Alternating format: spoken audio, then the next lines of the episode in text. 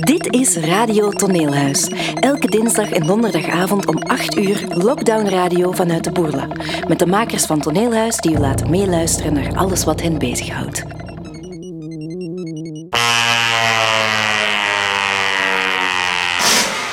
Dames en heren, beste luisteraars, van harte welkom bij Radio Toneelhuis. Tijdens de eerste lockdown doopten we Toneelhuis tijdelijk om tot huistoneel.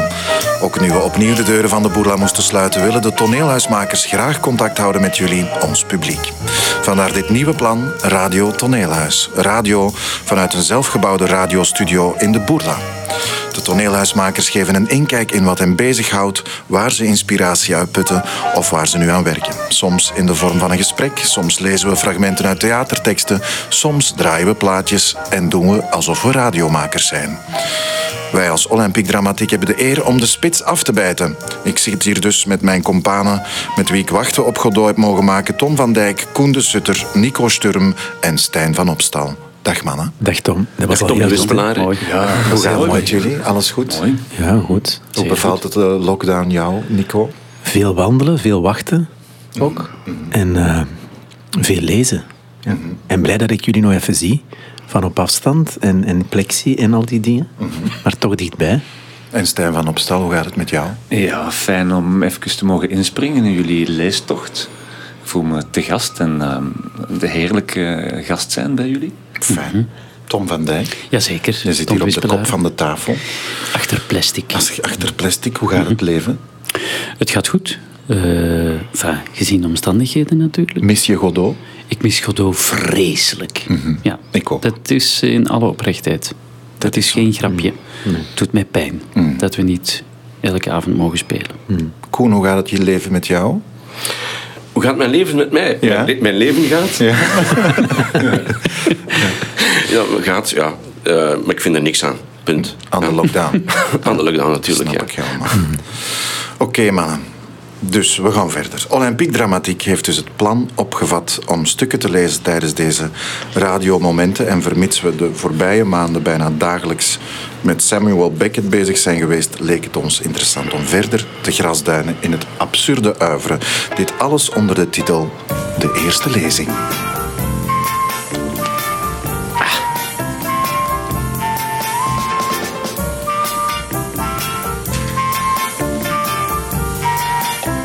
Nogmaals van harte welkom dus bij de eerste lezing.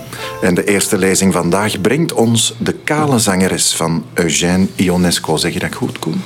Dat klopt, Ionesco, ja. Zijn vader heette ook Ionesco. eh, ja. Koen, wat weet jij nog? Oh, Wat kan je nog over Ionesco vertellen? Ehm, Ionesco is een Roemeen. eh, Want ik heb ook al gehoord dat het Ionescu is. Eh, ja, heeft sinds zijn naam veranderd naar Ionesco. Hij heeft eh, tijdens zijn jeugd veel ge- gejojoed, ik zal het zo noemen, tussen Parijs en, en Boekarest. Eh, ik denk hij is geboren in 1909 en enkele jaar later, toen hij twee jaar was, is hij al in Parijs gaan wonen. En dan is, heeft hij zijn studies gedaan in Boekarest ook, eh, doctoraat Franse letteren. Ehm, maar is uiteindelijk toch in Parijs beland, waar hij zich geworpen heeft in de dramaturgie. eh, eh, zonder succes. Eh, de Kale Zangeres was een, een immense flop. Het was geprogrammeerd, eh, net zoals Godot trouwens. Het was geprogrammeerd gedurende zes weken. En de, het gemiddelde aantal toeschouwers per dag was zes man. Het is dan hernomen. Daarna heeft hij nog de les geschreven. De stoelen. En de stoelen, de stoelen en de les, in die volgorde, dat klopt. En in 56 is de tweede opvoering gekomen van La Cantatrice Chauve. En dat was een immens succes, met als gevolg dat het nu het een record aantal bezoekers heeft, want het wordt nog altijd gespeeld in Theater La Huchette in Ja. Parijs. Fantastisch. Oké. Eh, voor we beginnen, misschien toch even eerst de rolverdeling doornemen. Misschien ook een kleine technische Ja. mededeling. Dus de, eh, het geruis op de achtergrond, dat is omdat de ramen openstaan om dus alle virussen buiten te laten gaan. Dat geven we even mee. Oké. Ja. Dank u. We lezen dus met z'n vieren een stuk van zes personages, dus iedereen gaat er zijn volle aandacht bij moeten houden. De rolverdeling is als volgt. Ikzelf lees meneer Smit. Tom van Dijk leest mijn vrouw mevrouw Smit. Koen de Sutter leest meneer Martin. Nico Sturm leest mevrouw Martin. Mary, het dienstmeisje, wordt ook gelezen door Koen de Sutter. En de brandweercommandant is Stijn van Opstal, die tevens alle regieaanwijzingen ten berde zal brengen. Wij wensen u heel veel plezier met De Kale Zangeres.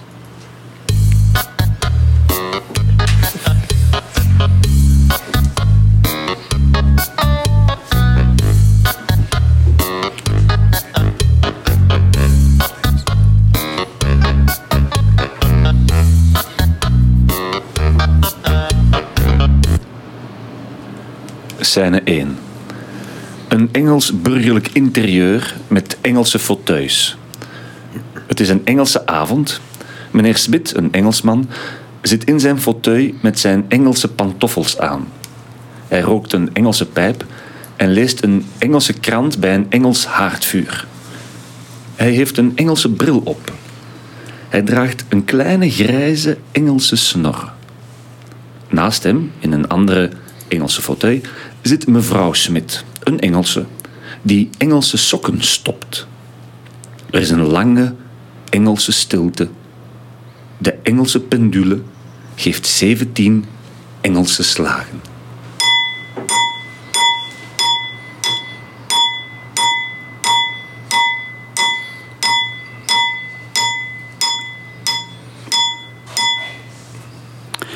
Zo, het is negen uur. We hebben soep gegeten, vis, aardappelen met spek en Engelse sla. De kinderen hebben Engels water gedronken. We hebben goed gegeten vanavond. Dat komt omdat wij in de buurt van Londen wonen en omdat onze naam Smith is. Meneer Smit leest verder en klakt met zijn tong. Aardappelen met spek is heel lekker. De olie op de sla was niet ranzig. De olie van de kruidenier op de hoek is van veel betere kwaliteit dan de olie van de kruidenier aan de overkant. Ze is zelfs beter dan de olie van de kruidenier daar weer tegenover. Maar ik wil niet zeggen dat hun olie op zich slecht is. Meneer Smit leest verder en klakt met zijn tong. Toch is de olie van de kruidenier op de hoek altijd de beste.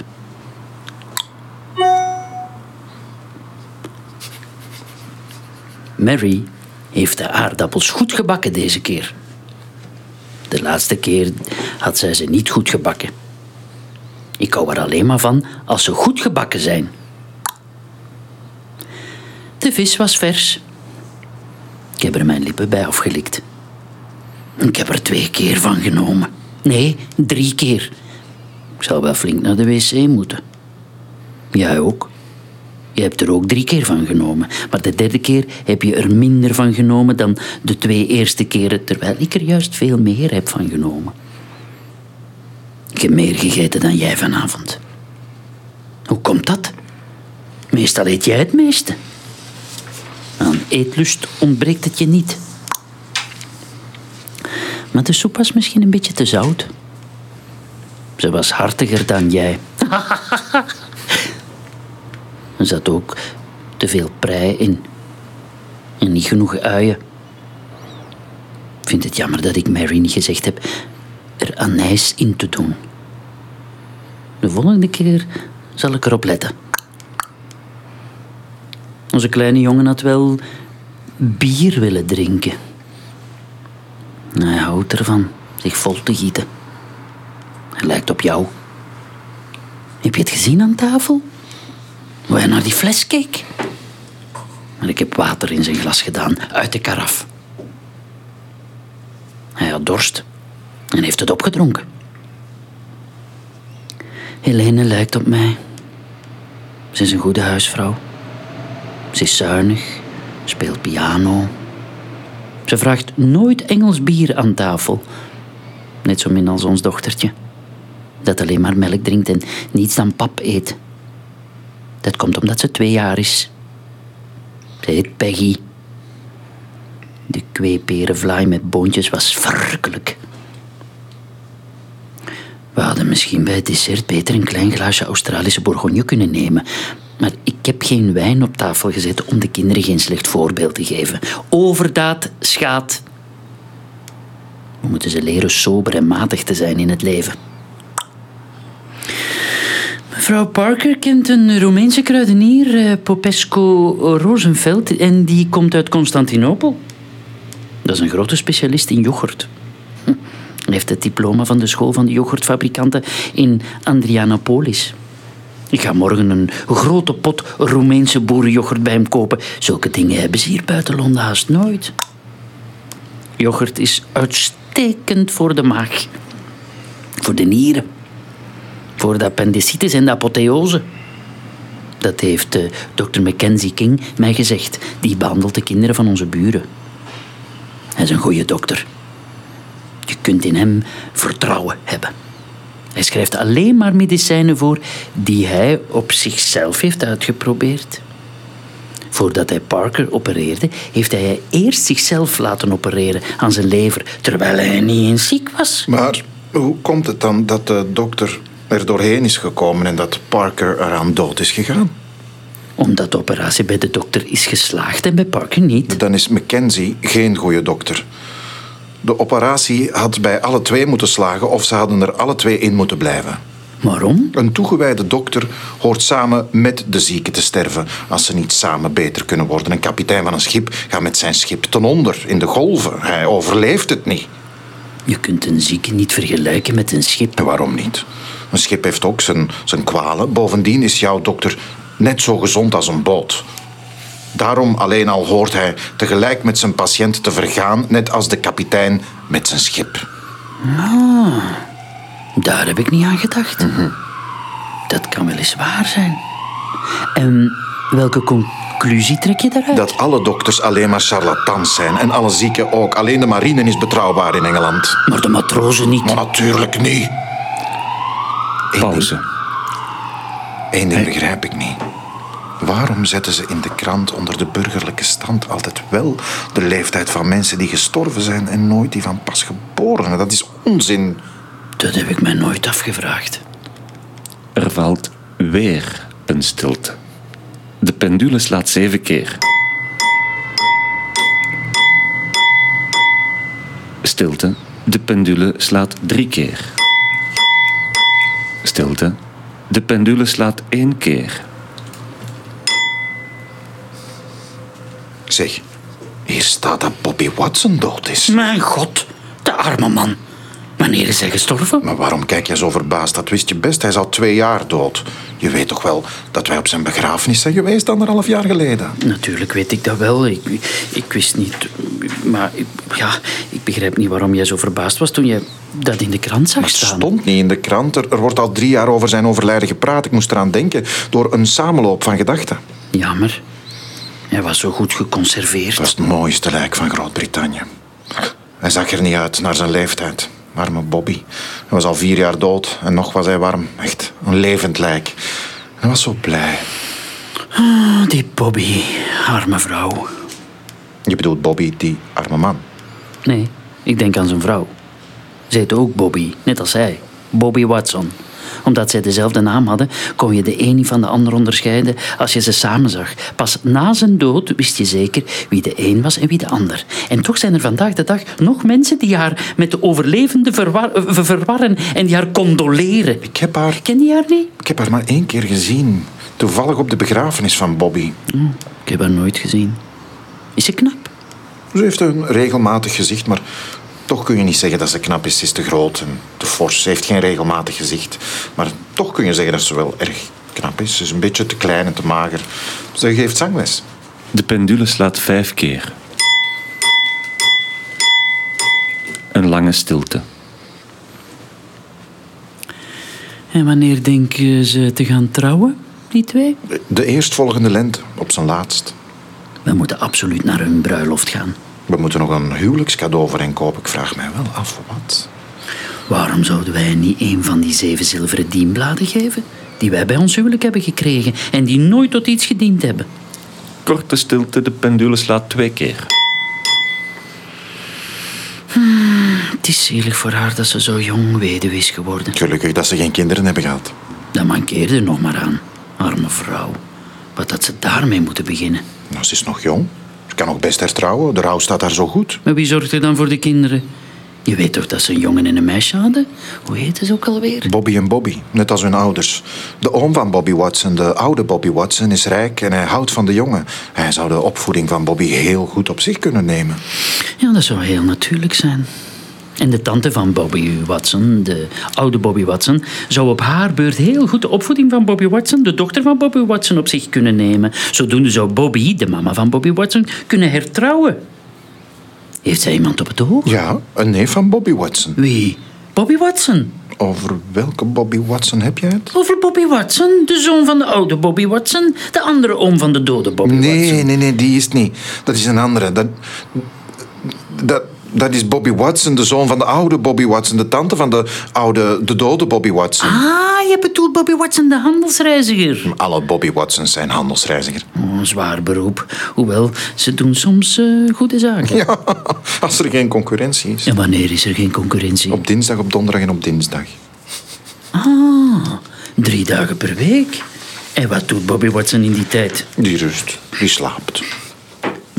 Waarom werkt hij niet op eh, die drie dagen? Dat, ik- dat, dat er geen concurrentie Ik kan is? niet alles weten. Ik kan niet antwoorden op al jouw idiote vragen. Zeg jij dat nu om mij te vernederen? Je weet best van niet. Alle mannen zijn hetzelfde. Jullie zitten maar te zitten de hele dag met je sigaret in je mond. Of jullie zitten je te poederen en je lippen te verven vijftig keer per dag als jullie niet aan één stuk door zitten te drinken. En wat zou je ervan zeggen als, als alle mannen net als alle vrouwen de hele dag zaten te roken en zich te poederen en hun lippen te verven en whisky drinken? Mij kan het niet schelen. Maar als je dat zegt om mij te pesten, pas op hoor. Ik hou niet van dat soort grappen en dat weet je best. Ze gooit de sokken ver weg en laat haar tanden zien. Och, mijn gebraden kippetje. Mijn schattenboutje. Waarom spuw je nou vuur? Je weet best dat ik dat voor de grap zeg. Hij pakt haar bij het middel vast en omhelst haar. Wat een belachelijk stel verliefden zijn wij toch. Kom, we maken het goed en we gaan slapie slapie doen.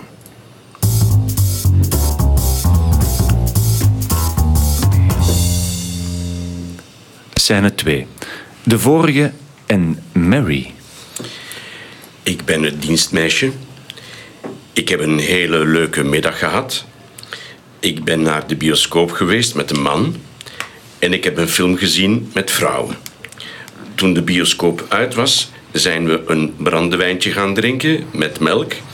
En toen hebben we de krant gelezen. Ik hoop dat je een hele leuke middag hebt gehad. Dat je naar de bioscoop bent geweest met een man en dat je brandewijn met melk hebt gedronken. En de krant. Mevrouw en meneer Martin, uw gasten staan aan de deur. Ze hebben op mij staan wachten. Ze durfden niet binnen te komen, helemaal in een eentje. Ze zouden bij u komen eten, vanavond. Ach ja, we hadden ze al verwacht. En we hadden honger. Omdat ze niet kwamen opdagen, zijn we zonder hen gaan eten. We hadden niets gegeten, de hele dag niet.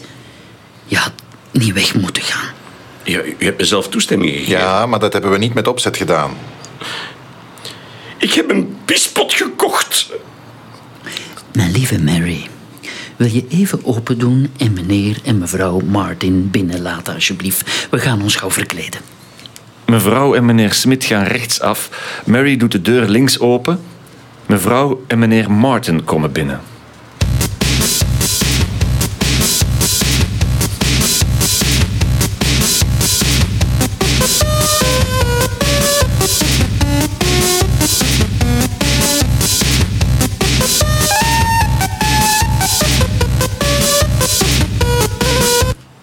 Waarom bent u zo laat?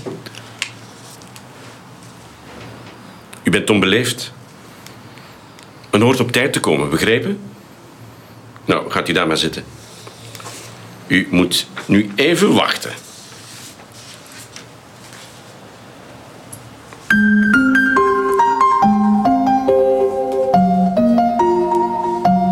Dat was scène 3, nu scène 4. Dezelfde zonder Mary. Mevrouw en meneer Martin gaan zonder te spreken tegenover elkaar zitten. Ze glimlachen verlegen tegen elkaar. Eh, neem mij niet kwalijk, mevrouw. Eh, Maar ik meen, als ik me niet vergis, eh, dat ik wel eens eerder ontmoet heb ergens. Ik ook, meneer. Ik meen ook dat ik u al eens eerder ontmoet heb ergens. Heb ik u misschien al eens gezien, mevrouw, in, in Manchester toevallig? Dat is heel goed mogelijk. Ik ben van eh, origine uit de stad Manchester. Maar ik kan het me niet zo goed herinneren, meneer. Ik zou niet kunnen zeggen of ik u daar gezien heb of niet. Mijn hemel, dat is curieus. Ik, ik ben ook van origine uit de stad Manchester, mevrouw. Wat curieus. Ja, wat curieus. A- Alleen, mevrouw, ik heb de stad Manchester verlaten vijf weken geleden ongeveer. Wat curieus, wat een vreemde samenloop van omstandigheden. Ik ook, meneer. Ik heb de stad Manchester ook verlaten, vijf weken geleden ongeveer. Ja, ik heb de trein genomen van half negen ochtends, die in Londen aankomt om kwart voor vijf, mevrouw. Wat curieus, wat vreemd. En wat een samenloop van omstandigheden. Ik heb dezelfde trein genomen, meneer, ik ook. Mijn hemel, wat curieus. Misschien heb ik dan wel, u dan wel in de, in de trein gezien, mevrouw. Dat is heel goed mogelijk, dat is niet uitgesloten, dat is heel aannemelijk. En, en trouwens, waarom niet? Maar ik kan me er niets van herinneren, meneer. Ja, ik eh, reis tweede klas, mevrouw. Er is geen tweede klas in Engeland, maar ik reis desondanks tweede klas. Wat vreemd, wat curieus en wat een samenloop van omstandigheden. Ik ook, meneer. Ik reis dan ook in tweede klas. Wat curieus.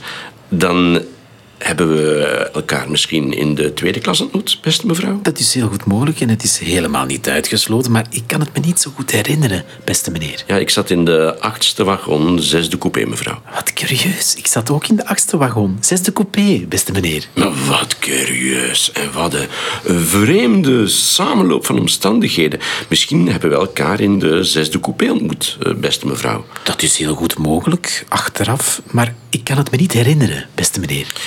Om u de waarheid te zeggen, beste mevrouw. Ik ook niet. Ik kan het me ook niet herinneren. Maar het is mogelijk dat wij elkaar daar gezien hebben. En als ik er goed over nadenk, lijkt me dat zelfs heel goed mogelijk. Oh, inderdaad. Zeer zeker, inderdaad, meneer. Oh, wat curieus. Ja, ik ik zat op plaats nummer drie bij het raam, beste mevrouw. Oh, mijn hemel, wat curieus. En wat vreemd, ik zat op plaats nummer zes. Bij het raam tegenover u, beste meneer. Mijn hemel, wat curieus en wat eh, een samenloop van omstandigheden. Wij zaten dus tegenover elkaar, beste mevrouw. Dus daar moeten we elkaar gezien hebben. Wat curieus. Het is eh, mogelijk, maar ik kan het me niet herinneren, meneer. Om u de waarheid te zeggen, beste mevrouw, ik ook niet. Ik kan hem ook niet herinneren. En toch is het heel goed mogelijk dat we elkaar bij die gelegenheid hebben gezien. Dat is waar, maar ik ben er niet helemaal zeker van, meneer. eh. Was u niet, eh, beste mevrouw, die dame die mij verzocht om haar koffer in het net te leggen en die me daarna heeft bedankt en mij heeft toegestaan om te roken? Jazeker, dat moet ik geweest zijn, meneer. Eh, Wat curieus. Wat curieus en wat een samenloop van omstandigheden. Wat curieus. Wat vreemd, wat een samenloop van omstandigheden. Wel, en toen... En toen hebben wij elkaar op dat moment misschien leren kennen, mevrouw. Wat curieus en wat een samenloop van omstandigheden. Dat is heel goed mogelijk, beste meneer. Maar toch, ik geloof niet dat ik het me kan herinneren. Ja, maar ik, ik ook niet, mevrouw. Even stilte. De pendule slaat 2-1. Eh, sinds ik in Londen ben, woon ik in Bromfield Street, beste mevrouw. Wat curieus, wat vreemd. Ik ook. Ik woon sinds ik in Londen ben ook in Bromfield Street, beste meneer. Oh, wat curieus. Maar dan... Maar dan hebben wij elkaar misschien in Bromfield Street ontmoet, beste mevrouw. Wat curieus, wat vreemd. Dat is eigenlijk heel goed mogelijk. Maar ik kan het mij niet herinneren, beste Ja, ik- meneer. Ja, ik, ik, ik woon op 19, eh, nummer 19, beste mevrouw. Wat curieus, ik ook. Ik woon ook op nummer 19, beste meneer. Maar dan... Maar dan, maar, maar dan, maar dan, maar, maar dan hebben wij elkaar misschien gezien in dat huis, beste mevrouw. Dat is heel goed mogelijk, maar ik kan het me niet herinneren, meneer. Mijn eh, flat is op de vijfde etage, nummer 8, beste mevrouw. Wat curieus, mijn hemel. Wat vreemd. En wat een samenloop van omstandigheden. Ik woon ook op de vijfde etage, nummer 8, beste meneer. Wat curieus. Wat curieus, wat curieus. En wat een samenloop van omstandigheden.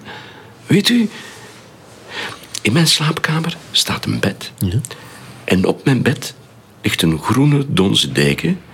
Die kamer met dat bed en die groene donzen deken liggen aan het einde van de gang tussen de wc en de bibliotheek, beste mevrouw. Wat een samenloop van omstandigheden. Oh, mijn hemel, wat een samenloop van omstandigheden. Mijn slaapkamer heeft ook een bed met een groene donzen deken. En die ligt ook aan het eind van de gang tussen de wc, beste meneer, en de bibliotheek. Wat vreemd. Curieus. Bizar. Dus, mevrouw, wij wonen in dezelfde kamer en wij slapen in hetzelfde bed, beste mevrouw. Daar hebben wij elkaar misschien wel ontmoet. Wat curieus en wat een samenloop van omstandigheden. Het is heel goed mogelijk dat we elkaar daar hebben ontmoet. En misschien zelfs de afgelopen nacht. Maar ik kan het mij niet herinneren, beste meneer. Ik heb een dochtertje. Mijn dochtertje woont bij mij, beste mevrouw. Zij is twee jaar, zij is blond, zij heeft een wit oog en een rood oog. Zij is erg lief en ze heet Alice, beste mevrouw. Wat een vreemde samenloop van omstandigheden. Ik heb ook een dochtertje. Zij is twee jaar, heeft een wit en een rood oog. Ze is erg lief. En zij heet ook Alice, beste meneer. Wat curieus. En wat een samenloop van omstandigheden. Wat vreemd. Het is misschien hetzelfde kind, beste mevrouw. Wat curieus. Dat is best mogelijk, beste meneer. Er valt een tamelijk lange stilte. De pendule slaat 29 keer.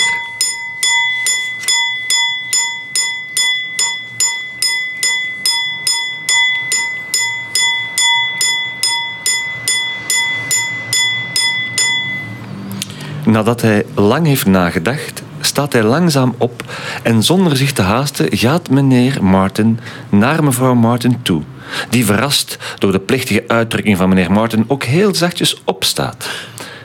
Meneer Martin spreekt nog steeds met diezelfde vreemde, monotone, zangerige toon. Dus, beste mevrouw, er is, geloof ik, geen twijfel aan. We hebben elkaar al eens eerder gezien en u bent mijn eigen gade. Elisabeth, ik, ik heb u weer gevonden. Mevrouw Martin gaat naar meneer Martin toe zonder zich te haasten. Ze omhelzen elkaar koeltjes. De pendule slaat één keer. Heel hard. De slag van de pendule moet zo hard zijn dat hij de toeschouwers doet opspringen. Het echtpaar Martin hoort het echter niet. Donald, jij bent het. Darling. Ze gaan in dezelfde fauteuil zitten, houden elkaar omstrengeld en slapen in. De pendule slaat nog enige keren. Mary komt heel zachtjes op, op de tenen, een vinger op haar mond en ze wendt zich tot het publiek.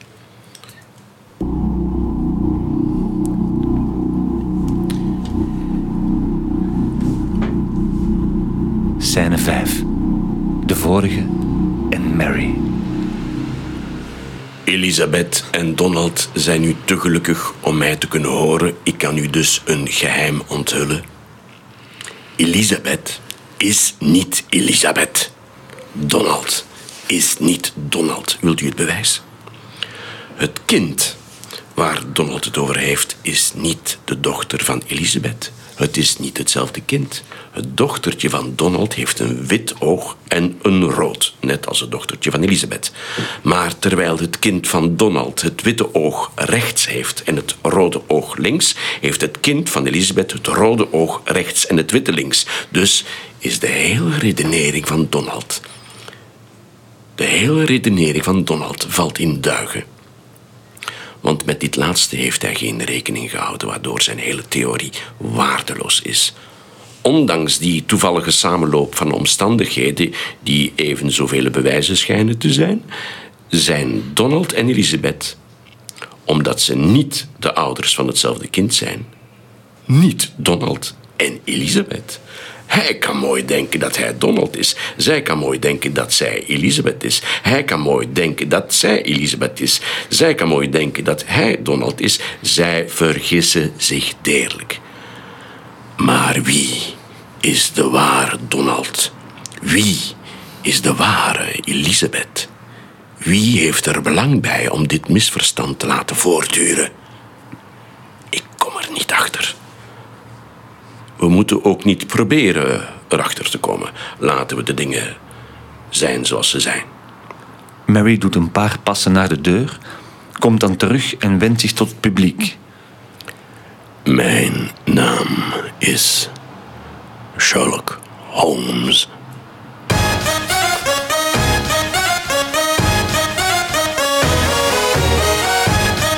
Scène 6. De vorige zonder Mary.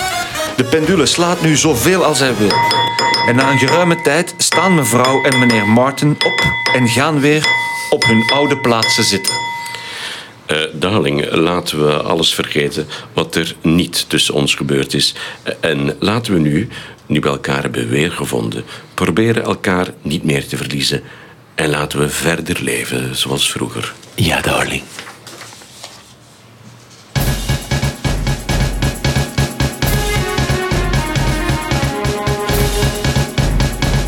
Scène 7. De vorige en het echtpaar Smit. Mevrouw en meneer Smit komen van rechtsop in dezelfde kleding. Goedenavond, lieve vrienden. Neemt u ons niet kwalijk dat wij u zo lang hebben laten wachten. Wij meenden dat wij u een ontvangst moesten bereiden waarop u recht hebt. En toen wij hoorden dat u ons het genoegen wilde doen bij ons te komen, zonder uw bezoek aan te kondigen, zijn we ons gauw gaan verkleden in gala. We hebben de hele dag niks gegeten, hè? Wij zitten al vier uur op u te wachten. Waarom bent u zo laat?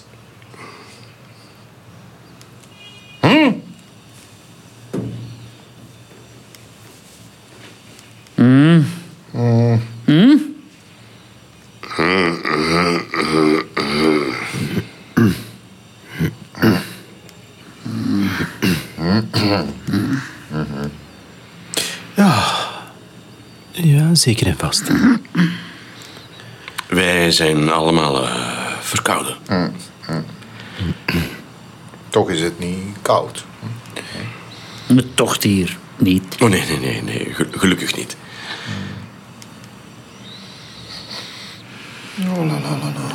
Oh, hebt u verdriet? Nee. Hij zit zich te ergeren. Och, meneer, op uw leeftijd, dat moet u niet doen. Het hart weet niet van ouder worden. Dat is waar. Ze zeggen het. Ze zeggen ook het tegendeel. Maar de waarheid ligt in het midden. Heel juist. U hebt veel gereisd. Hm? U zou ons best wel eens, een, eens interessante dingen kunnen vertellen. Nou, nou liefje. eh, eh, eh, wat heb je vandaag allemaal beleefd? Oh, het is de moeite niet waard. Ze geloven me toch niet. Oh, maar wij zullen uw woorden niet in twijfel trekken. U beledigt ons als u dat denkt. Je beledigt hen, liefje, als je dat denkt. Goed dan, eh, ik heb vandaag iets heel ongewoons meegemaakt. Iets ongelooflijks. Ja, vertel, vertel gauw, liefje. Ah, nu, kunnen we, nu kunnen we lachen. Eindelijk. Wel, ehm, vandaag liep ik op de markt om groenten te kopen. Die wordt eh, met de dag duurder. Ja, maar waar, moet dat heen? Oh, je moet niet in de reden vallen, liefje. Mispunt. En toen zag ik op straat, vlakbij een café, een meneer. Heel behoorlijk gekleed, een jaar of vijftig. Nog niet eens. Die... Die wat? Die wat? Niet in de reden vallen, liefje. Je bent onuitstaanbaar. Liefje, jij viel het eerst in de reden. Nuchter. Sst.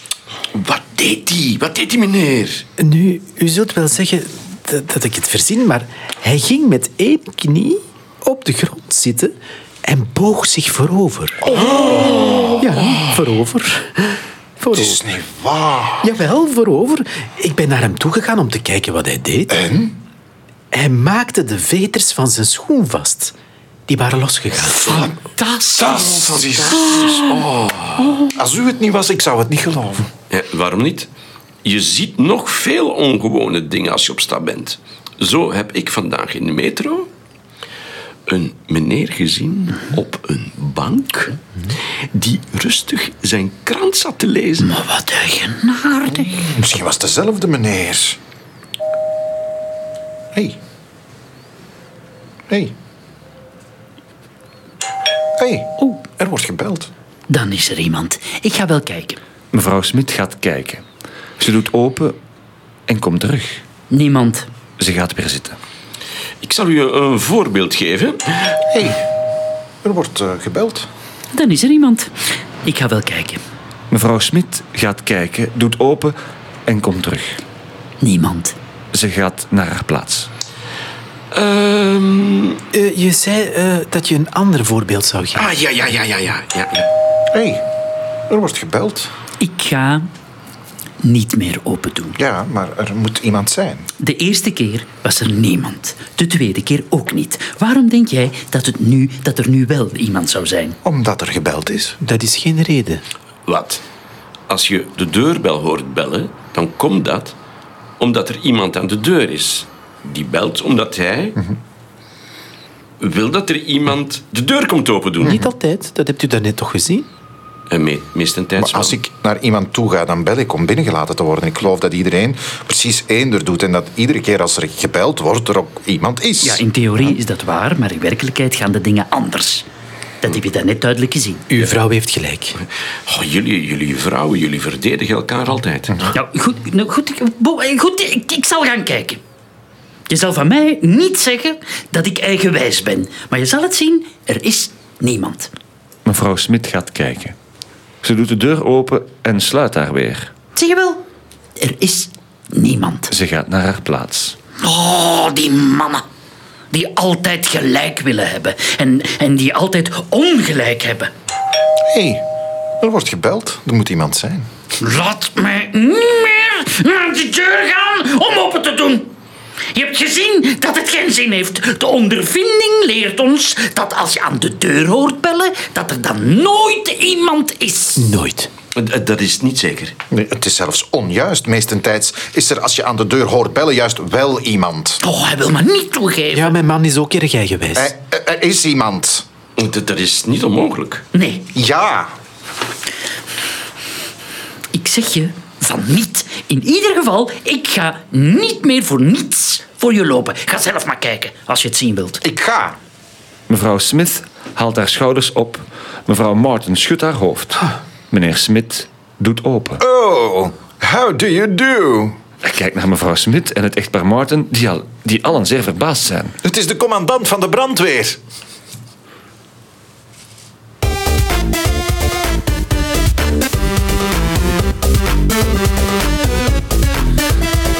Scène 8. De vorige en de brandweercommandant. Hij draagt een uitzonderlijk grote blikken helm en een uniform. Goedenavond, dames en heren! De mensen zijn nog een beetje verbaasd. Mevrouw Smit is boos, wendt haar hoofd af en beantwoordt zijn groet niet. Dag, mevrouw Smit, u kijkt zo boos. Oh, Oh, dat, dat komt, ziet u. Mijn, mijn vrouw is een, een, een beetje beledigd, eh, omdat ze geen gelijk had. Eh, Er was, meneer de brandweercommandant, ene oneenigheid tussen mevrouw en meneer Smith. dat gaat u niets aan. Wil je alsjeblieft tegen vreemden geen vreemde betrekken in onze huiselijke ruzietjes? Liefje, zo erg is dat toch niet. De commandant is een oude huisvriend. Zijn moeder heeft mij het hof nog gemaakt. Zijn vader heb ik nog gekend. Hij heeft mij gevraagd of hij met mijn dochter mocht trouwen. Als ik er een zou hebben, in, acht- in afwachting daarvan is hij gestorven. Eh, dat is zijn schuld niet evenmin als de uwe. Enfin, waar gaat het over? Mijn man beweert. Nee, liefje, jij beweert. Ja, ja, zij... Nee, nee, hij. Nee, wint u niet zo op. Eh, vertelt u het mij maar, mevrouw Smit. Ja, goed, kijk. Ik vind het nogal pijnlijk om er ronduit met u over te praten. Maar een brandweerman is ook een biechtvader. Ju- Juist. En? Wij hadden een meningsverschil, omdat mijn man zei dat als er aan de deur wordt gebeld, er altijd iemand is. Ja, dat klinkt aannemelijk. En ik zei, iedere keer als er gebeld wordt, is er niemand. Nu, dat klinkt nogal vreemd. Maar het is bewezen, niet zozeer door de theoretische eh, uiteenzettingen, maar door de feiten. Dat is niet waar, liefje, want de brandweercommandant is er wel. Hij belde, hij, ik deed open en, en daar stond hij. Wanneer? Eh, Nou, nou, daarnet? Ja, maar pas na vier keer bellen was er iemand. En de vierde keer telt niet mee. Altijd. De eerste drie keren tellen alleen maar. Meneer de commandant, mag ik u op mijn beurt een paar vragen stellen? Eh, eh, Uiteraard ga u... Toen ik opendeed en toen ik u zag, was u het toen die had gebeld? Ja, dat, dat was ik. Eh, Stond u aan de deur? Had u gebeld om binnen te komen? Ik ontken het niet. Aha, zie je, ik had gelijk. Wanneer je hoort bellen, dan is er iemand die belt. Je kunt niet zeggen dat de commandant niet iemand is. Zeker niet. Nee, ik zeg je nogmaals dat ik het alleen over de drie eerste keren heb. Want de vierde keer telt niet mee. En toen er voor de eerste keer gebeld werd, was u dat? Nee, dat was ik niet. Ziet u? Er werd gebeld en er was niemand. Was het misschien niemand anders? Heeft u lang aan de deur gestaan? Drie kwartier. En u hebt niemand gezien? Niemand? Nee, dat weet ik zeker. Hebt u de tweede keer horen bellen? Ja, maar dat was ik ook niet. En er was nog steeds niemand. Ik heb gewonnen. Ik had Ja, maar gelijk. ook, niet, niet zo haastig. En wat deed u bij de deur? Niets, ik stond daar. Ik dacht aan van alles en nog wat. Maar de derde keer, had u toen niet gebeld? Ja, dat was ik. Maar toen er open werd gedaan, was u niet te zien. Nee, dat komt omdat ik me verstopt had. Voor de grap. Lach niet, meneer de commandant. De zaak is veel te ernstig. Alles bij elkaar weten we nog altijd niet of als er aan de deur wordt gebeld, er wel iemand is of niet. Er is nooit Er iemand. is altijd iemand. Ik stel u allen een akkoord voor. U hebt allebei een beetje gelijk. Wanneer er aan de deur wordt gebeld, is er de ene keer wel iemand en de andere keer niemand. Het lijkt mij logisch. Ik geloof het ook. De zaak is in feite heel eenvoudig. Geeft elkaar een zoen. We hebben elkaar net al een zoen gegeven. Ze geven elkaar morgen weer een zoen, ze hebben alle tijd. Meneer de commandant, u heeft ons geholpen om alles op te helderen. Eh, neem er uw gemak van. Zet uw helm af en ga er even bij zitten.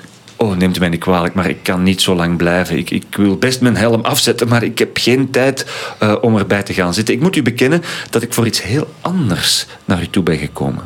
Ik ben hier uit hoofde van een dienstopdracht. En wat is er dan van uw dienst, eh, meneer de commandant? Ik hoop dat u mij mijn onbescheidenheid niet kwalijk zult nemen. Ehm, kan ik, ehm, waar zij bij zijn? eh, Geneer u niet. Ja, wij zijn oude vrienden, ze vertellen ons alles. Ja, zeg het maar, zeg het maar. Wel nu dan. Staat de boel bij u in brand? Waarom vraagt u ons dat? Omdat, ja, neemt u mij niet kwalijk, omdat ik opdracht heb om alle branden in de stad te blussen. Allemaal. Allemaal. Ik, eh, eh, ik, ik, ik weet niet, ik geloof niet.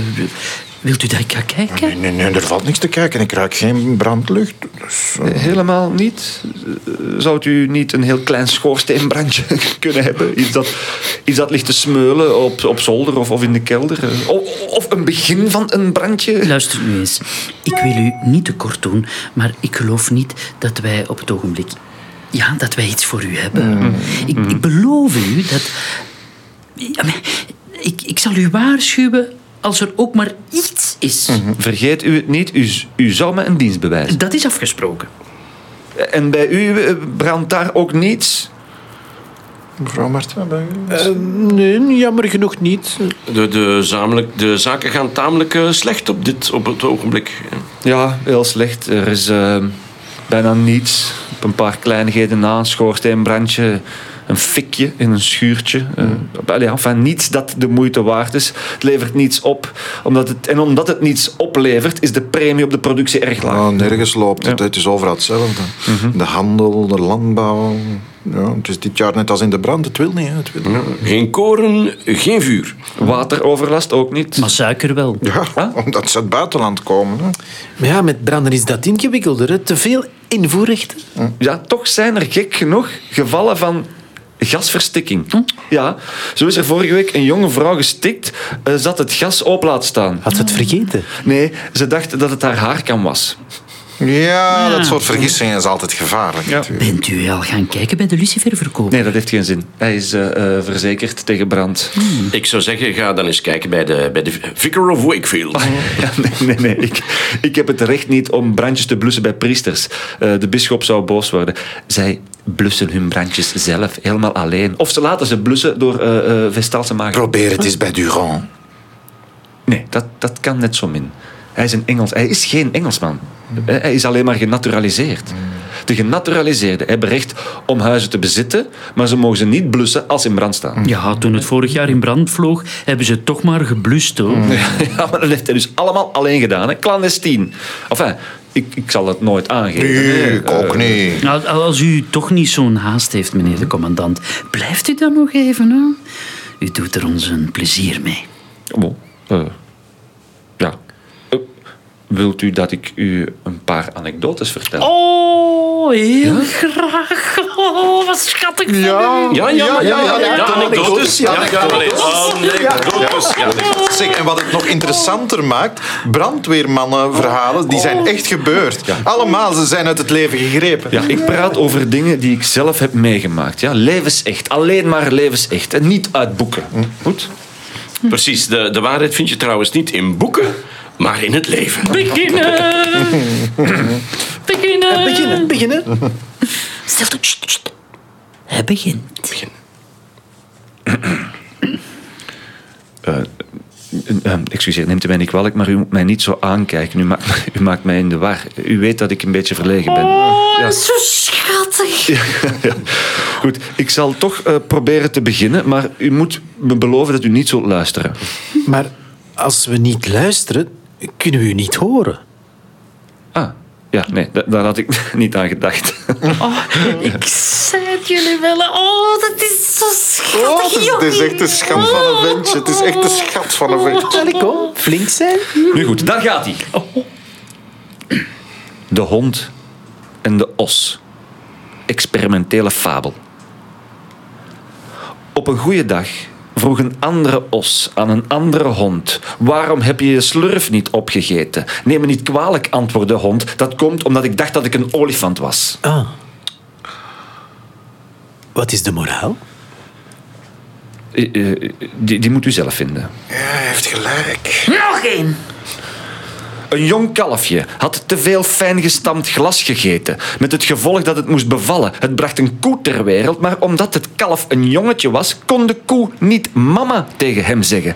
Ze kon ook niet papa zeggen, want daar was het kalf veel te klein voor. Het kalf was dus wel verplicht om te trouwen met een vrouwspersoon. En het stadhuis trof toen alle voorgeschreven maatregelen die in zulk een geval van toepassing zijn. Aha, het bekende recept. Ja, voor jonge spruitjes. Ah, Ah, u, u, u kende hem al. Het heeft in alle kranten gestaan. Het is vlak bij ons in de buurt gebeurd. Goed, dan zal ik u een andere vertellen. De haan. Er was eens een haan die zich voor een hond wilde uitgeven, maar hij kreeg geen kans, want men hem... Men, hmm, opnieuw. De haan. Er was eens een haan die zich voor een hond wilde uitgeven, maar hij kreeg geen kans, want men hem... hmm, opnieuw. opnieuw. Dat is zo schattig. De haan. Er was eens een haan die zich voor een hond wilde uitgeven, maar hij kreeg geen kans, want men herkende hem onmiddellijk. Maar daar staat tegenover dat ze de hond, die zich voor de haan wilde uitgeven, nooit hebben herkend. nu is het mijn beurt om er een te vertellen. De slang en de vos. Op een keer ging een slang naar een vos toe en zei... Ik geloof dat ik u ken. De vos antwoordde... Ik geloof het ook. "Hmm," zei de slang. Geef mij dan wat geld. Een vos geeft geen geld, antwoordde het slimme beest. En om te ontsnappen sprong hij in een diepe vallei met aardbeiplanten en honingpotten. De slang wachtte hem daar al op en lachte satanisch. De vos haalde zijn mes tevoorschijn en brulde: Ik ga je van het leven beroven. Draaide hem toen zijn rug toe en vluchtte weg. Maar hij kreeg geen kans. De slang was vlugger. Met een welgemikte vuistslag trof hij de vos midden op zijn kop, die in duizend stukken brak en schreeuwde: Nee, nee, duizendmaal nee. Ik ben je dochter niet. Dat is interessant. Dat is niet slecht. Eh, mijn geluk wensen. Ja, ja, niks bijzonders. En bovendien, ik kende hem al. Oh, dat is verschrikkelijk. Maar dat is niet echt gebeurd. Ja, jammer genoeg wel. Nu, is het eh, uw beurt, mevrouw. Ja, ik, ehm, ik ken er maar één. Eh, ik zal hem u vertellen. Hij heet Suiker. Suiker? Nee. De ruiker. De ruiker. Oh, ja, De, sorry. Ze zei suiker. Oh, de mijn ruiker. vrouw. Mijn vrouw is Oh, altijd toch zo, ja. zo the romantisch geweest. Zo romantisch geweest. Ja, zij is een eh, echte Ja, ze is Engelse... altijd romantisch geweest. Ja, zij is De een jongens, echte jongens. Engelse... Ze is romantisch. Zij is een echte Engelse... De ruiker. Eh, nou goed, ehm, er was eens een keer een jonge man die een ruikerbloemen voor zijn verloofde meebracht.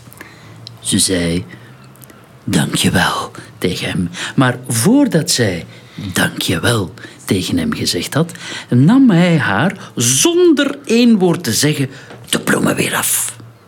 Die hij haar had gegeven om haar eens goed de les te lezen. En terwijl hij zei: Ik neem ze weer mee, zei hij tot ziens tegen haar, pakte ze terug en toen ging hij zomaar, zonder meer, weg.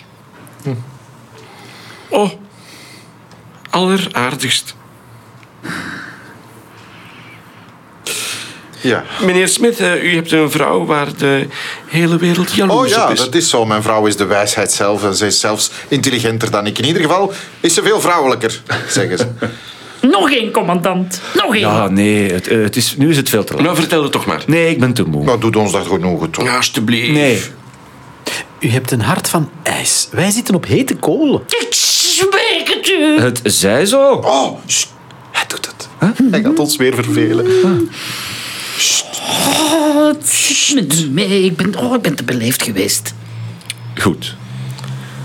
De verkoudheid.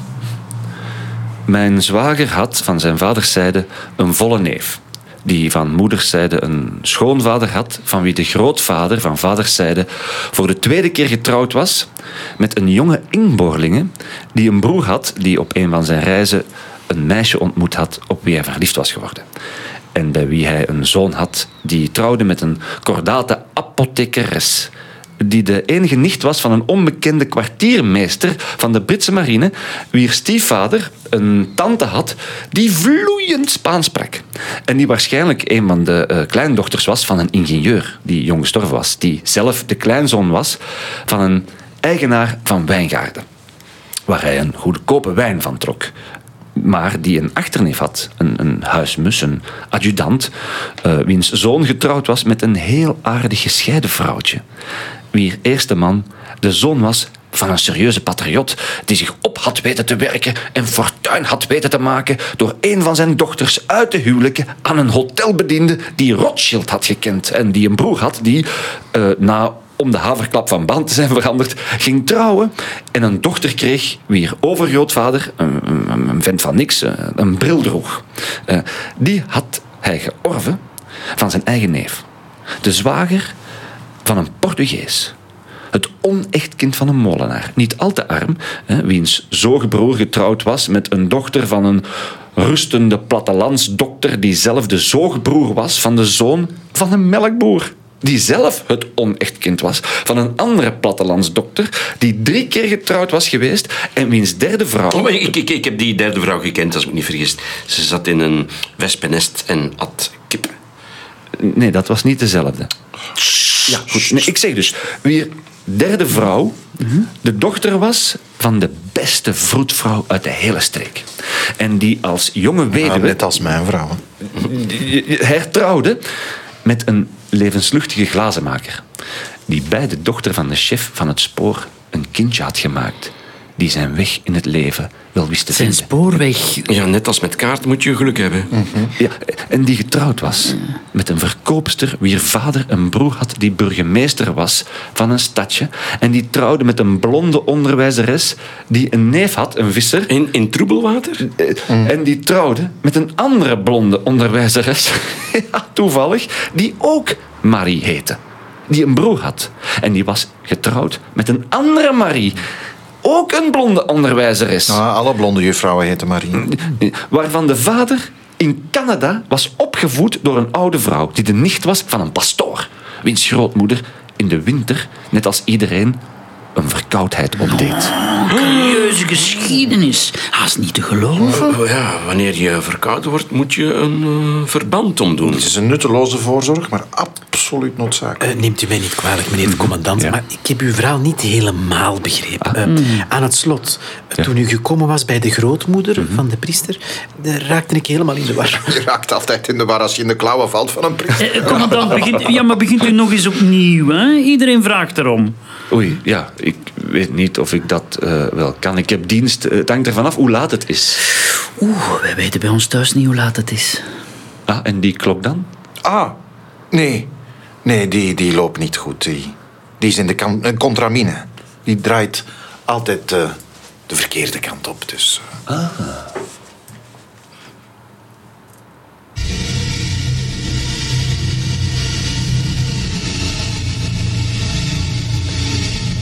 Scène 9.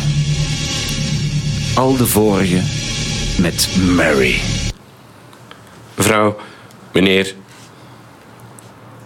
Wat is er? Wat is er? Wat, Wat kom jij hier doen?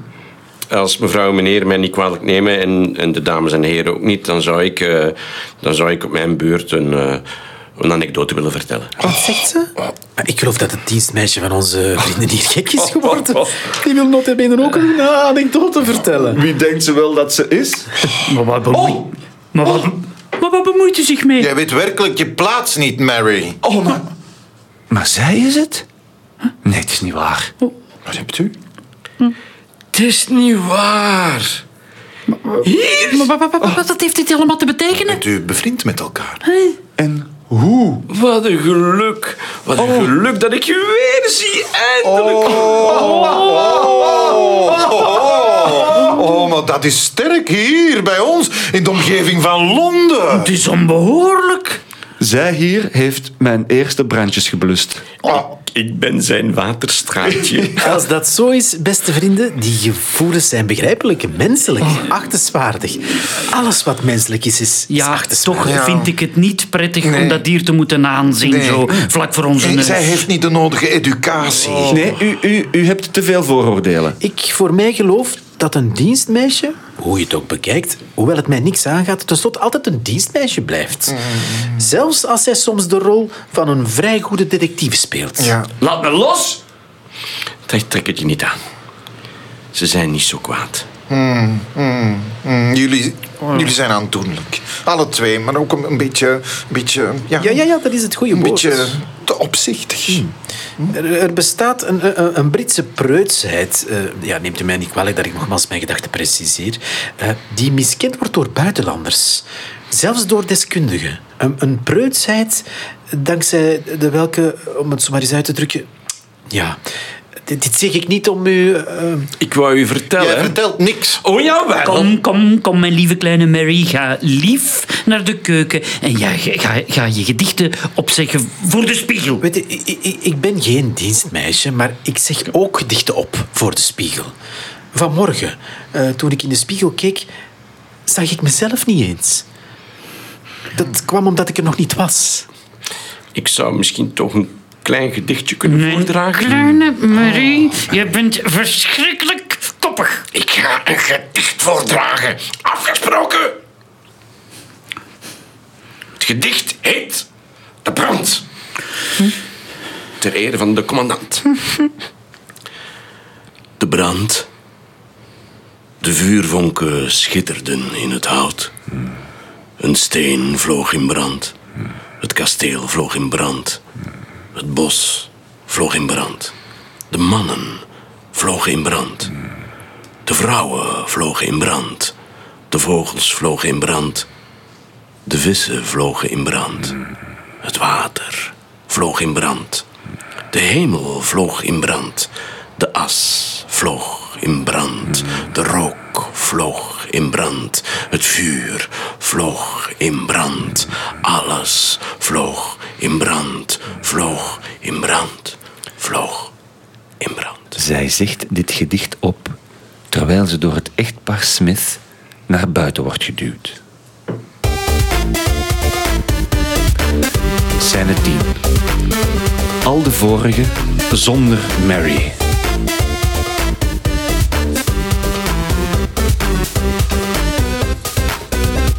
Oh, de koude rillingen lopen over mijn rug. Ja, toch was er een zekere warmte in die verse. Ik vond het schitterend. Maar toch... U eh, overdrijft. Nee, hoor eens, het is waar. En dit is allemaal heel subjectief. Maar het is wel mijn wereldbeschouwing. Ja, mijn droom, mijn ideaal. En dat doet me eraan denken dat ik op moet stappen. Aangezien u eh, niet weet hoe laat het is... eh, ik heb over drie kwartier en 16 minuten precies een brand aan de andere kant van de stad. Ik moet me haasten. Of schoon het niet veel om het lijf heeft, hoor. En wat wordt het dan? Een klein schoorsteenbrandje? Oh, zelfs dat niet. Een, een strovuurtje en een kleine branding op de Oh markt. ja, het spijt ons dat u er vandoor gaat. U was heel amusant. Ja, dankzij u hebben wij een echt filosofisch kwartiertje gekregen. De brandweerman gaat naar de deur, maar wacht daar even. Apropos, eh, hoe is het met de kale zangeres? Oh, ze maakt eh haar haar nog steeds op dezelfde manier op. Ah, Nou, tot ziens, heren, dames. V- veel succes en eh, veel brand. Ja, laten we hopen. Voor iedereen. De commandant gaat weg. Ze vergezellen hem allemaal tot de deur en gaan weer op hun plaats zitten. Scène 11. De vorige zonder de commandant. Ik kan voor mijn broer een zakmes kopen, maar u kunt niet voor uw grootvader Ierland kopen. Wij lopen met onze voeten, maar wij verwarmen ons met een elektrisch kacheltje of met antraciet. Wie vandaag een os verkoopt, zal morgen een ei krijgen. In het leven moet je door het raam naar buiten kijken. Je kan op de stoel gaan zitten, al staat de stoel er niet. Je moet altijd aan alles denken. Het plafond is boven ons, de vloer is beneden ons. Als ik ja zeg, is dat bij wijze van spreken. Elk huisje heeft zijn kruisje. Men nemen een cirkel, men aaien hem een beetje. Hij wordt vicieus. De schoolmeester leert de kinderen lezen, maar de poes zoogt haar kleintjes als ze klein zijn. Ondertussen geeft de koe ons zijn staarten. Als ik buiten ben, dan hou ik van eenzaamheid en stilte. Daar bent u niet oud genoeg voor. Benjamin Franklin had gelijk. U bent niet zo rustig als hij. Noem de zeven dagen van de week. Monday, Tuesday, Wednesday, Thursday, Friday, Saturday, Sunday. Edward is eh, kantoorbediende, zijn zuster Nancy is typiste en zijn broer William winkelbediende. Wat een rare familie. Ik heb liever een vogel in het veld dan een sok in een kruip. Liever een ossenhaas in een buitenhuisje dan melk in een paleis. Het huis van een Engelsman is zijn paleis. Ik ken niet genoeg Spaans om hem verstaanbaar te maken. Ik zal je de pantoffels van mijn schoonmoeder geven als jij me de doodskist van je man geeft. Ik zoek een monofysistische priester om met onze dienstbode te trouwen. Het brood is een boom, zoals ook het brood een boom is. En een eik geeft elke morgen bij dageraad het leven aan een eik. Mijn oom woont buiten, maar daar heeft de bakker niets mee te maken. Papier is bestemd, bestemd om erop te schrijven. De kat is bestemd voor de rat. De kaas is bestemd om te krabben. De auto rijdt heel hard, maar de kokkin maakt betere schotels klaar. Doe niet zo stom, omhels liever de samenzweerder. Charity begins at home. Ik denk dat de waterleiding me komt opzoeken in mijn molen. Het is aan te tonen dat de sociale vooruitgang door toediening van suiker beter tot zijn recht komt. Weg met de schoensmeer! Na deze laatste opmerking van meneer Smit zwijgen de anderen even volkomen verbaasd. Men bespeurt een zekere nervositeit. De slagen van de klok slaan ook nerveus.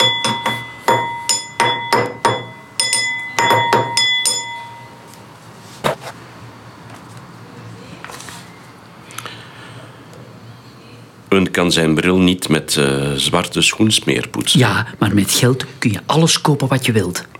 Ik schiet liever op konijn dan dat ik zing bij een fontein. Kaketoe. Kaketoe, kaketoe, kaketoe. Kaketoe. Kaketoe, kaketoe, kaketoe.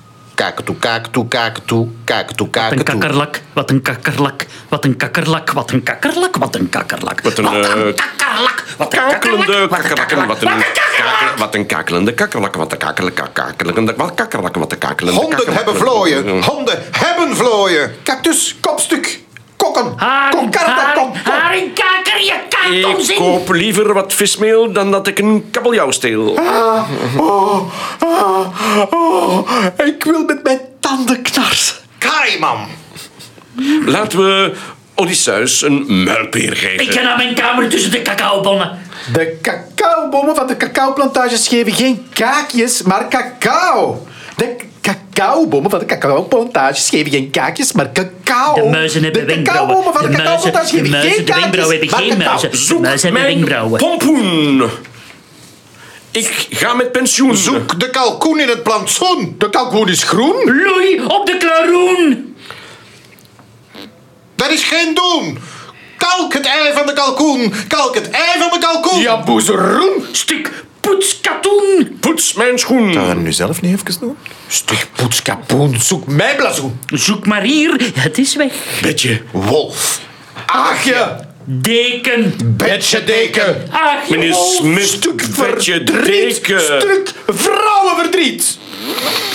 Margriet. Oh, Kirajnamuri, Kirajnamuri. De pap is slap. De pap is slap. De slap heeft geen pap. De slap, de pap zit in de pap. Bazak, Bazant. Bizar, bloedaard, biceps. A, E, I, O, U, A, E, I, O, U, A, E, I, O, U, A, E, B, C, D, E, F, G, L, M, N, P, R, S, T, V, W, X, Z. Lees je leert de lotje lopen. Het is niet Daar, Maar het is hier. het is niet daar, maar het is hier. Het is niet daar, maar het is hier. Het is niet daar, maar het is hier. Het is niet daar, maar het is hier. Het is niet daar, maar het is hier. Het is niet daar, maar het is hier. Het is niet daar, maar het is hier. Plotseling verstomt het geluid. Het licht gaat weer aan. Meneer en mevrouw Martin zitten precies zoals meneer en mevrouw Smith aan het begin van het stuk. Het stuk begint dan weer opnieuw met de Martins, die precies hetzelfde gesprek hebben als het echtpaar Smith in de eerste scène. Ondertussen zakt het doek.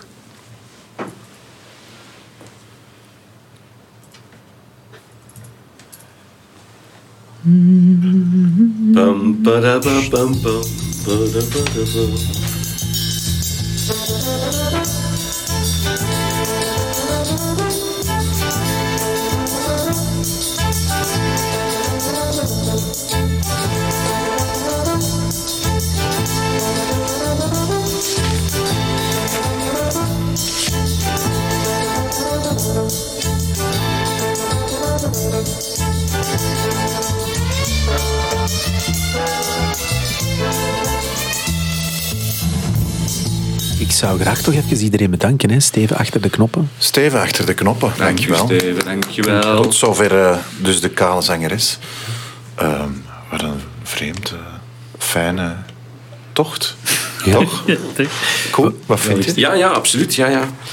Ehm, ik, ik heb even zitten grasduinen in eh, Ionesco. Wat, eh, want natuurlijk iedereen denkt, wat is de, de zin, wat is de bedoeling van dit stuk en zo. Nu is, eh, blijkt dat eh, alles wat Ionesco geschreven heeft vooral een soort eh, verweer was tegen de dood. Oké. Ja, en het, tegen eh, de, de nutteloosheid van eh, bestaan. Dus de zoektocht naar zingeving. Hij kwam natuurlijk, eh, dit is niet, natuurlijk niet uit, uit de lucht komen vallen. Hij was in, in contact met eh, Tristan Tzara en André Bre- Breton, dus namelijk een, een dadaïst en een surrealist. Dus het is, heeft het warm water niet uitgevonden. Dus hij komt uit een soort traditie. Hij was ook eh, patafysicus. wat, Patafysicus? ja, dat is, dat is een, een genootschap waar onder andere Boris Vian bij was en zo. Dat is ter nagedachtenis van Alfred Jarry, die Uburois heeft geschreven. En dat is een, een soort eh, filosofische strekking, strekking die tegen het normale is. Dus eh, alle, de normaliteit, de regels, eh, daar moet je continu tegen vechten. dit, is, ehm, dit is natuurlijk ook zijn eerste stuk. Ik vind wel in zijn latere stukken dat hij meer... ehm, ernst en ernstiger geworden is en eh, maatschappelijker meer begaan. Als we denken aan eh, rhinoceros bijvoorbeeld, waar we de, Ja. iedereen eh, verwordt tot een dinosaurus. De, de prachtig stuk De Koning sterft, waarbij ook leert... het, het stuk is eigenlijk een soort les om te leren sterven. En dan zitten we bij, eigenlijk bij Montaigne, die ook zegt filosoferen is leren te sterven. Uiteindelijk ging het continu om die zaken. Natuurlijk het meest absurde en het meest gelieerd aan de dadaïsten, aan de dadaïsten of aan de surrealisten, is natuurlijk eh, La Cantatrice. Je moet ook denken, in 1950 in première gegaan. Godot is in 1953 in première gegaan.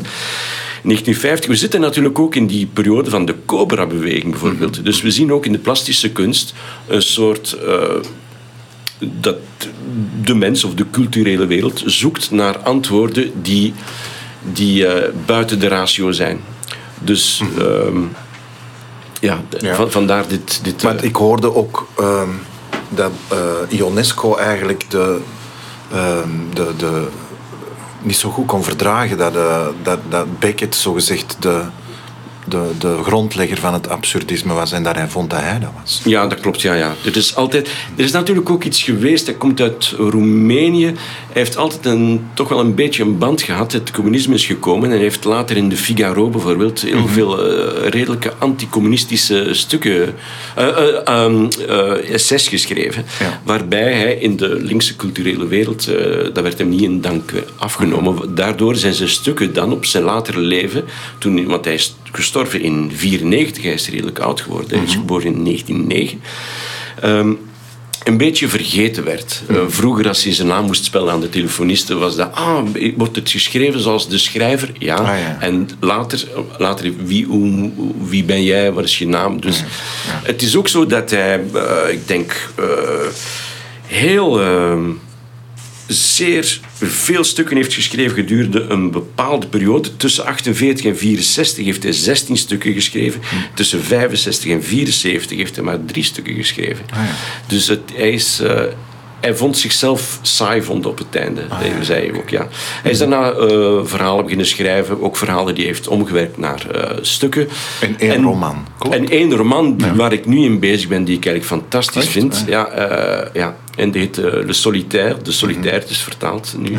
Um, ja, heel goed. Het, het doet mij een beetje een zekere cynische, donkere humor die we ook terugvinden bij Hoelbeck of zo. Het Ja. is uh, Ah, ja. heel modern, heel fris om te lezen. En, ik en was ongeveer het verhaaltje, de anekdote? Ja, de, de, de- het gaat gewoon over een man die eh, weer hetzelfde, ik, ik, ik ben nog maar 30 bladzijden ver, maar weer hetzelfde, die eh, zoekt naar de zin van het leven, die in die, uit die tredmolen probeert om te gaan, die verhuist, die een baantje heeft, die, de, die echt eh, buiten de maatschappij een beetje staat, die geen voeding vindt met de, met de maatschappij. Ja.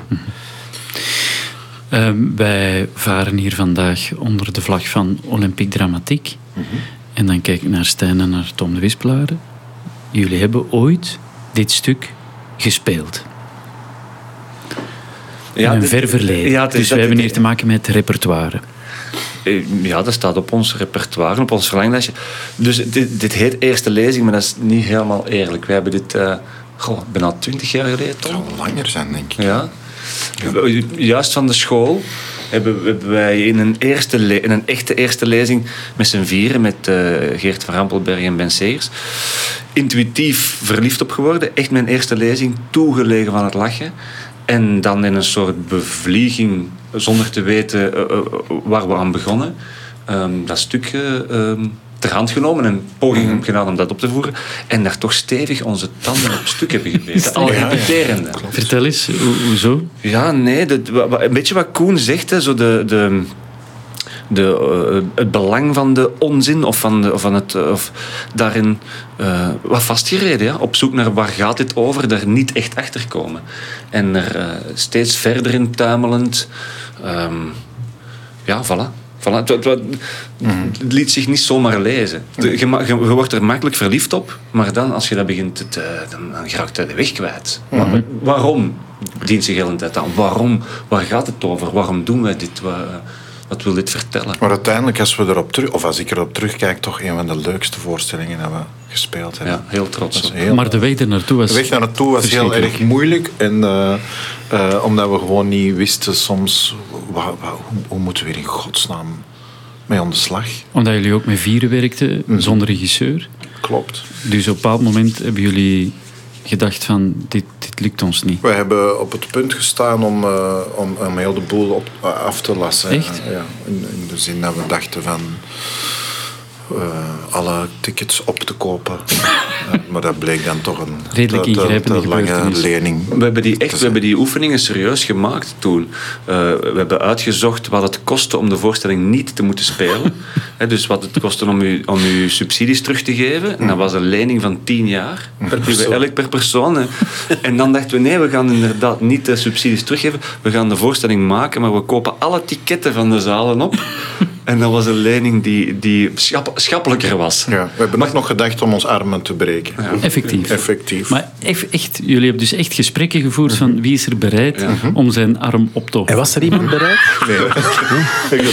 En ook geen pogingen Maar ondernomen. jullie echt, hebben, jullie hebben nee. nooit eh, die, die discussies opgenomen of zo, of uitgeschreven. Want het lijkt mij ook wel een stuk voor eh, in het absurd theater eh, Ja. dat dat een succes geweest ja, wellicht. inderdaad. Maar ik denk dat dat iets romanser klinkt dan dat het was. Dat was ook maar gewoon Paniek. manier... Ja, of, of in de marge. Hè. Of ook eh, de, ehm, het belangrijk maken. Of zo, de, de inzet hoog maken. Of, je, je kunt niet zomaar op een scène stappen. Je kunt niet zomaar op een podium staan. Kijk naar mij, ik heb iets te vertellen. Als je niet weet wat je komt vertellen. Dus we zetten hoog in vooraleer we opdurven. Ehm, en dan maakte dat de gesprekken ertoe deden. En, en Maar wanneer ik heb wel het gevoel dat we, dat we er een sleutel in gevonden hebben. En Maar wanneer heb je die dan gevonden? Wanneer hebben jullie beslist van we gaan het toch spelen? Was dat omwille van de financiële consequenties? Of omdat je toch dacht van we gaan het gewoon doen? Eigenlijk staan we toch, erachter. toch wel op een gegeven moment. Want ik heb het nu ook weer met, als je het terugleest, er zit iets duf en oud in en tegelijk iets baldadig. En, en het is eh, op een gegeven moment toch in de gesprekken geraakt waar dat je toch het belang voelt van de, van de onzin of de schoonheid van de, en, van de miscommunicatie. Dit begint als een, als een gesprek tussen twee mensen die twee mensen op bezoek krijgen en het eindigt in een soort eh, ehm, eclectische wartaal. Het gaat over, over u niet kunnen uit. Kunnen wij onszelf uit? Kunnen we communiceren? Kunnen we zelf eh, zin eh, knopen aan wa- wat we te zeggen hebben? Verstaan we onszelf? Verstaan we de ander? Dus in die absurditeit toch wel het, het belang gevonden. En dan heeft ons en- dat een beetje bevrijd. Want dat is echt een van de vrijste en... en eh, Klopt. En was dat op de première er dan al? Of, of wanneer hebben jullie Op de première was het er eigenlijk Ja, voor de eerste wel. keer. Daarvoor Dus was het alleen... niet met try-outs of doorlopen of zo? Hadden jullie niet het gevoel van we We zijn hebben hier iets- geen, denk ik, voor publiek toen geen try-outs gedaan, hè, doorlopen. Voor een aantal vrienden Omdat jullie ons, gewoon paniek omdat we- hadden, omdat je omdat we te hard aan het zoeken nog waren. En de première was denk ik de eerste eh, erop of eronder. En toen bleek het er gelukkig op te zijn, want het was een heel fijne Ja. Eh, ambiance in de vooruit in Gent, herinner ik mij. En wanneer is de herneming? Ja, maar dat is echt Goeie vraag. een van de weinige stukken in ons repertoire die ik vind dat, dat misschien wel de tand des tijds doorstaan. Omdat het iets tijdloos is. Ja. Ik heb het gevoel dat de meeste stukken die wij maken ergens in een periode horen. Of zo. Het, ja, het, het is ook zo, denk ik, zo, ehm, als je zei, het heeft wat oud, iets muf. ehm, dat klopt, maar toen der tijd was het immens bevreemdend. En door het deken van de decennia dat erover komt, krijg je gewenning. Eh, dus ik vermoed ook wel dat jullie daar redelijk baldadig mee om geweest zijn. Ja, dat jullie ja. eerder de esprit hebben meegepakt. Ja. Want het is ongelooflijk om te, om te weten, of even bij stil te staan, hoe dit anti-pièce, zoals eh, hij het zelf noemde, een antistuk, dat hij uiteindelijk een antistuk toch een, een klassieker wordt en in de traditie zich nestelt. Ja. Ja. Wordt dat dan een beetje gerecupereerd? Wordt zoiets dan onschadelijk? Omdat dat... Ik denk dat we altijd historisch besef moeten blijven houden en, en de esprit moeten meenemen, eerder dan de, de strikte partituur. Misschien moeten jullie het gewoon terugspelen en dan kunnen we erover oordelen. Ja, kunnen we komen kijken allemaal. Ja. Gevaarlijk. Ehm, tenzij dat jullie alle tickets opkopen. Dan geraken we er niet meer in. Zeg maar toch nog, een, voordat we, ik voel dat er hier een soort afronding... Ik wil toch ook nog even stipuleren dat Koen dit stuk ooit geregisseerd heeft in het Fins. Ja, mijn Fins is uitmuntend. nee, ik, heb, ik heb het ooit, ik had het heel, heel kort houden. Ik, ik werd uitgenodigd door een Finse theaterdirecteur om, om het te doen in Finland, in Espoo, vlakbij Helsinki. Eh, ik, heb mij, ik, moest iets gaan doen. Ik dacht, ja, ik ga geen eh, psychologisch drama doen, want dat wordt moeilijk. Dus ik doe iets met, uit een, eh, met het absurdisme. Dus ik heb dit genomen, waarbij de, bij mij de, de, het esthetische redelijk belangrijk werd. Ja. Eh, de klokken hadden ook... De mensen hadden dubbele gezichten langs achter ook. Er was een spiegel van achter. We speelden op een pel water. Waardoor dat je echt in een soort spiegelpaleis zat. Met... Maar het, wa- het was heel leuk. Ik vond die twee maanden in Finland zitten vond ik heel, eh, heel plezant. En wanneer wordt dat hernomen? Niet meer, denk ik. Ah. Alright. We kijken dus uit naar een herneming van de kale zangeres door Olympic Dramatiek in het Fins. In het Fins. Afgesproken. Nico, Koen, Stijn en Tom, ongelooflijk. Bedankt Ja, voor Tom. deze fijne lezing. Dan rest ons nog te zeggen dat, eh, dat de mensen kunnen intunen op dinsdag en donderdag om 8 uur voor een nieuwe uitzending. Ehm, eh, die kunnen ze beluisteren als podcast wanneer het u het beste uitkomt vanuit uw luie zetel of ergens onderweg, via de toneelhuispagina of rechtstreeks op Anchor, Spotify, Apple Podcasts of Soundcloud.